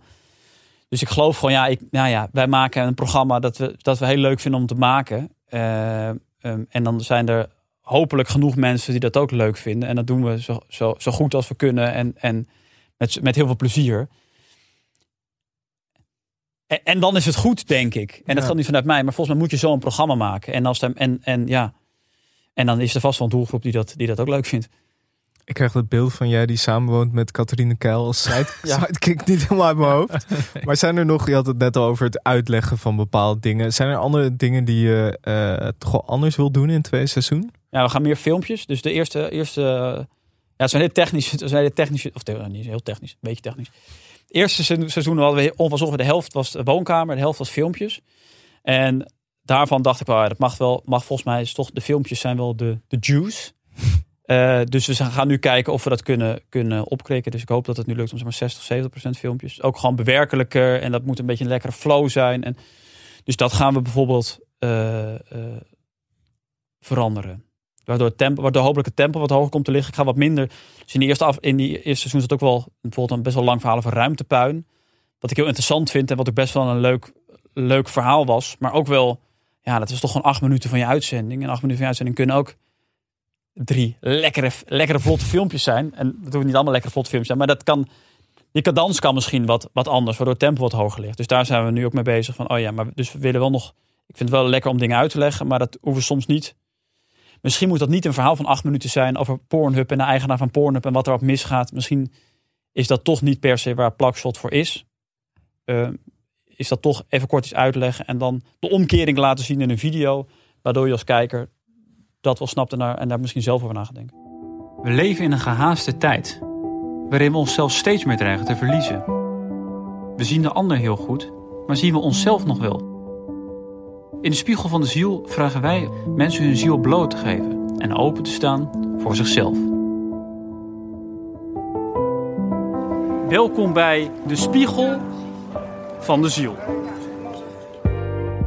Vandaag kijken we in de ziel van de Amersfoorter. Wie zijn ze? Waar staan ze voor? En wat dragen ze bij zich? Staat u wel eens voor de spiegel? Ja, welke vrouw zou niet voor de spiegel staan soms? Nee, allemaal, denk ik. En de mannen ook. Ja. Ja. En kent u uzelf een beetje? Nou, zo langzamerhand denk ik dat het wel het geval is. Wat, wat zijn voor jou een beetje de, de hoogtepunten uit seizoen 1? Wat vond je zelf de leukste dingen naast Clown Jadi om, eh, om te maken? Spie- Spiegel van de Ziel. Waarin ik als een soort parodie op een soort KRO-NCV-programma. Spiegel van de Ziel. Ah, die, ja, die oude vrouw die toen eh, bijna emotioneel werd. Ja. Dat was wel... eh, Dus het format was gewoon, ik ga met een spiegel bij mensen, bij mensen op straat staan. En ik ga kijkt u wel eens naar uzelf? En al- als u voor de spiegel staat, wat ziet u dan? En dan ging, ging iemand voor de spiegel staan en zei ik, als u in de spiegel kijkt, wat ziet u? en als de spiegel door u heen zou kunnen kijken. En heel, heel, maar het, het, is, het is aan de ene kant een beetje flauw. Het zijn een beetje soort hello goodbye-achtige vragen. Waarbij ik aan de ene kant het leuk vind om dan te laten zien van, oh ja, maar kijk. En Joris Linsen natuurlijk steengoed, maar het is ook een beetje, ja, je, je stelt, je, ja, het zijn ook een beetje een soort van geëikte vragen. En tegelijkertijd gaan geïnterviewden, zodra ze een beetje dat toontje hebben, gaan ze, nemen zij de rol aan van, oh ja, ik zit blijkbaar in een soort human interest programma waarbij ik nu mijn ziel bloot moet geven. En tegelijkertijd zijn het ook mooie, echte, zijn het ook mooie, lieve mensen. Die daar Mhm. gewoon heel mooi. En vervolgens maak ik het omkering, zeg ik dan eens even omdraaien, zodat ik voor de spiegel gaan staan. En dan leg ik mijn eigen worsteling op straat. Van ja, is het nou. Ja, ik worstel wel van, ja, heb ik nou oprecht interesse in, die mensen? Of, of gaat het me vooral over de kijkcijfers? En maak je er weer een soort van, van meta. En dat vond ik heel mooi, omdat het, het was een soort lieve satire. Want je maakt een soort satire op een, op een, op een soort format. Maar je maakt ook het format zelf, dat je volgens ook weer kapot maakt. En toch is het ook lief. En zet je die mensen niet te kakken, zijn die mensen gewoon daadwerkelijk gewoon mooie, mooie lieve mensen. Die, die, die ja, dingen hebben meegemaakt en geëmotioneerd zijn. En dat vond ik heel tof. Kan heel natuurlijk vaak wel- is satire natuurlijk best wel hard. En hiervan dacht ik, oh, maar dit is gewoon, het kan ook, on- satire kan ook ontroerend zijn. Maar dat is ook natuurlijk wel soms, lijkt me lastig. Omdat je, dat je bang bent dat je mensen misschien te kakken zet of zo. En dat zit natuurlijk in Foxpop nog meer dan, dan in dit soort filmpjes. Ja. Maar dan is het toch meer omdat de satire zich meer op de vorm richt dan op, op de mensen die die antwoorden geven. Ja, en het kan dus, en, en dat is soms een beetje een, een afweging. En soms is het, wat, is het wat scherper of is het wat harder. Maar ik probeer, en dat ben ik natuurlijk wel meer gaan doen, ook soms juist de lievere kant op te zoeken. Omdat dat ook, dat kan eigenlijk, soms kan iets, en soms kan natuurlijk zo'n brutale vraag, kan grappig zijn. Maar soms kan juist een onverwachts lieve vraag, kan misschien soms wel net zo grappig zijn. Mhm. En, en dus ik probeer daar ook meer te variëren. Sommige dingen kunnen. Dus ik heb bijvoorbeeld die Roland Wankers, dat is van een verslaggever van Ongeschoren Nederland. En die vindt alles ja, vet hypocriet. Dus hier bij het woonprotest en die zegt dan: Ja, maar ik denk toch zelf ook bij Shell? Vet hypocriet. Dus, En dat is dan eigenlijk een hele, een hele agressieve, boze verslaggever. Ik vind het ook wel leuk om daarnaast zeg maar, dingen te doen met.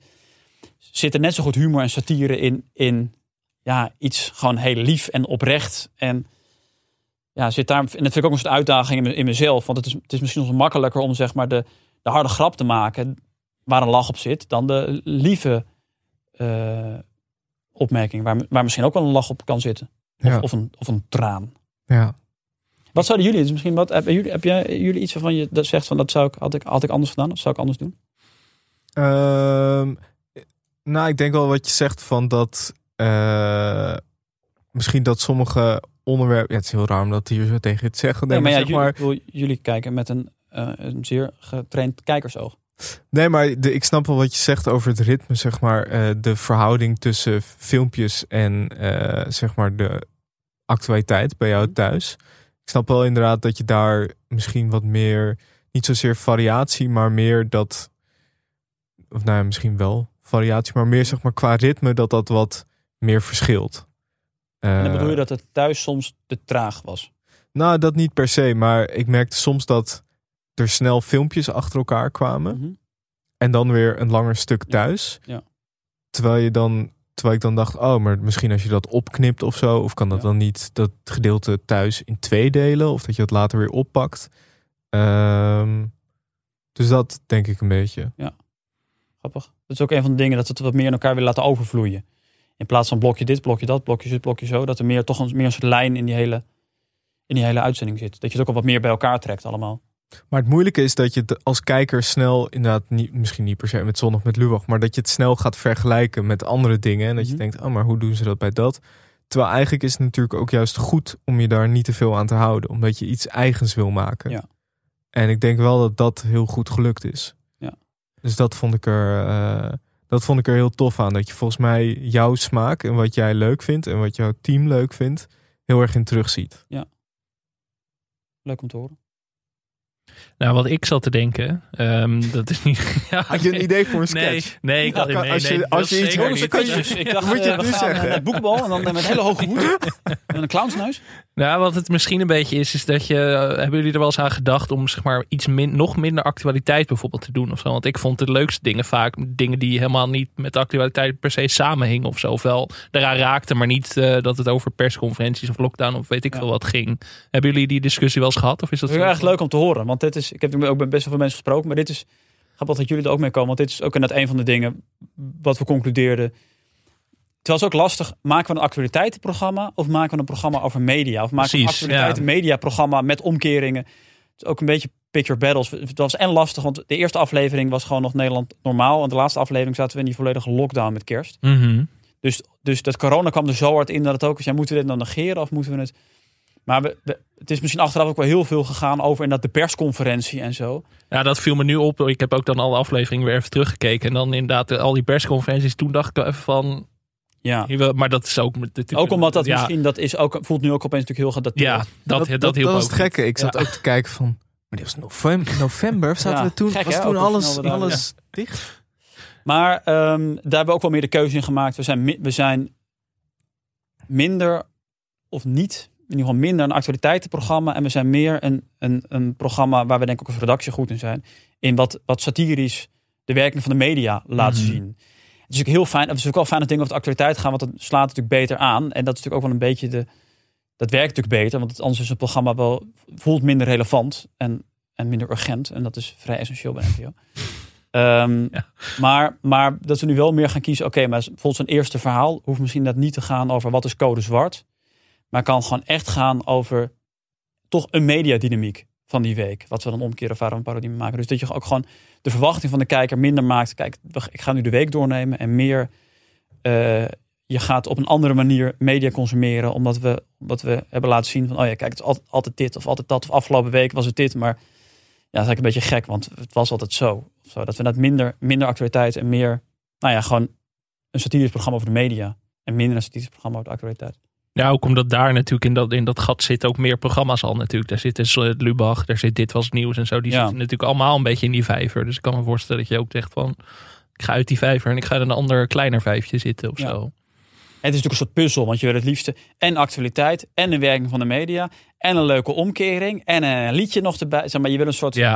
je wil natuurlijk een soort ideaal alles soort van samenvoegen, maar dat is het is ook een soort van een soort balans van, oh ja, dit is wel actueel, het is een heel leuk actueel idee, maar ja, het gaat niet per se heel erg over de media of ja, dit is wel heel erg over de media, maar het is niet zo, het is niet zo actueel, want het kan ook, had ook vorige week gekund. Dus dat is altijd een soort van de, de afweging. En dan is het natuurlijk soms ook gewoon als je ideeën bedenkt, oh ja, waar, hebben we het meeste zin in? Of waar hebben we nu gewoon, wat lijkt nu heel erg leuk om te maken?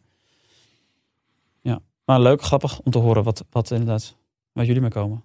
Ik heb heel veel zin in het nieuwe seizoen. Heb je ook vooral zin of voel je ook wel een beetje gezonde wedstrijdspanning? Ik, heb het ook ik vond vorig, vorig seizoen vond ik het ook wel echt spannend. Want dan heb je ge- eigenlijk geen idee hoe dat dan is als je opeens een programma hebt en wat, wat, wat, wat er dan met je gaat gebeuren. Maar nu heb ik eigenlijk vooral wel heel veel zin in. Ook wel leuk, omdat je wel allemaal ideeën bedacht en dan zijn we nu dingen aan het opnemen en aan het monteren. En ik, ook gewoon dingen die ik oh, ik vind het zo, ik heb zoveel zin om dit ook gewoon te gaan laten zien aan de kijker. Dus ik heb er, ik heb er zin in, ja.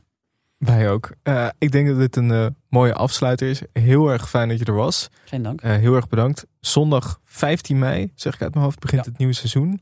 Ehm, ik zou iedereen gewoon willen aanraden om te gaan kijken. Tegen die Je tijd kunt gaan we nog inhalen ook als je het gemist hebt. Zeker, op, op de website van NPO 3 is het allemaal nog te kijken. Of NPO Start Plus, als je daar doorheen kan worstelen. Want dat is moeilijk om binnen te komen, NPO Start Plus. Een soort berghain geworden. Maar eh, goed, het is nog eh, volop terug te kijken. Dankjewel. Vind je deze aflevering leuk en wil je meer van ons? Vergeet dan niet te abonneren. Laat reactie achter op iTunes en geef ons sterren op Spotify. Je kan ook vriend van de show worden voor extra content. Dat kan op vriendvandeshow.nl slash televisiepodcast. Complimenten mogen publiekelijk gedeeld worden, maar vergeet ons niet te taggen via televisiepod. Je kan ons ook mailen via televisiepodcast.gmail.com. Veel dank aan Dag Nacht Media, aan Studio Cloak voor tune en aan Wijts Valkema voor de illustratie. En natuurlijk heel veel dank aan onze gast Roel Maaldrink, 15 mei. Dankjewel. Wordt opeens een foto gemaakt. Ik dacht, maar nog even een story. Oh, Ah, dat is voor het einde van de uitzending. Dat is heel slim. Dus dat- Eh, zondag 15 mei, nieuw seizoen Plakshot. Allemaal kijken. Er is maar weinig over van die plek waar ik vroeger gewoon veilig en gelukkig kon surfen. Ik vraag me steeds vaker af, waar kan ik heen? Ik kan niet naar Facebook. Ik kan niet naar Facebook. Daar zijn ze zo oud. Waar kan ik heen? Ik kan niet naar Snapchat. Kan niet naar Snapchat. Daar zit mijn ex-mouse. Waar kan ik heen? Ik kan niet naar TikTok. Wil niet naar TikTok. Daar doen ze zo druk. Waar kan ik heen? Ik kan niet naar Twitter. Wil niet naar Twitter, want daar zit Wierduk. Wil niet komen op Clubhouse, want Clubhouse daar ben ik alleen. Wikipedia betreft, daar zijn de feiten niet gecheckt. Is er leven op Hubble? Waar is die dansende banaan? Is er ergens nog een app waar ik heen kan gaan? Is er leven op Hubble? Waar is